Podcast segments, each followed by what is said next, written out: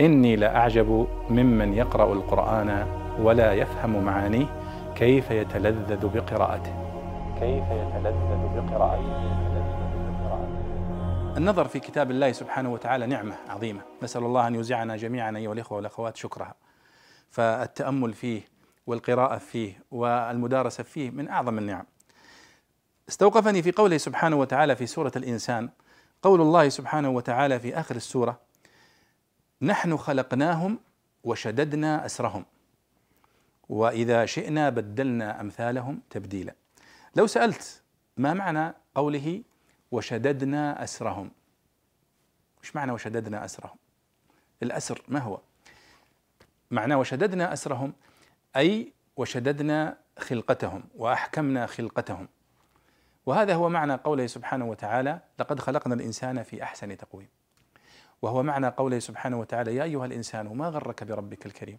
الذي خلقك فسواك فعدلك وفي قراءة نافع فعدلك. يعني أحسن خلقتك. فهذا هو معنى قوله سبحانه وتعالى نحن خلقناهم وشددنا أسرهم.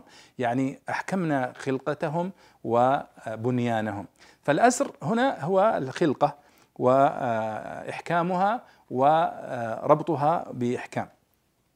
ومنه الأسرة. الأسرة سميت أسرة الرجل أسرة لأنه يتقوى بها وأسر الرجل هو قوته وإحكام خلقته. والأسير سمي أسيرا لأنه كأنه مشدود بقوة لا يستطيع أن يخرج. سمي الأسير أسيرا لذلك ولو لم يكن مربوطا ولا مقيدا. والإسار هو القيد نفسه.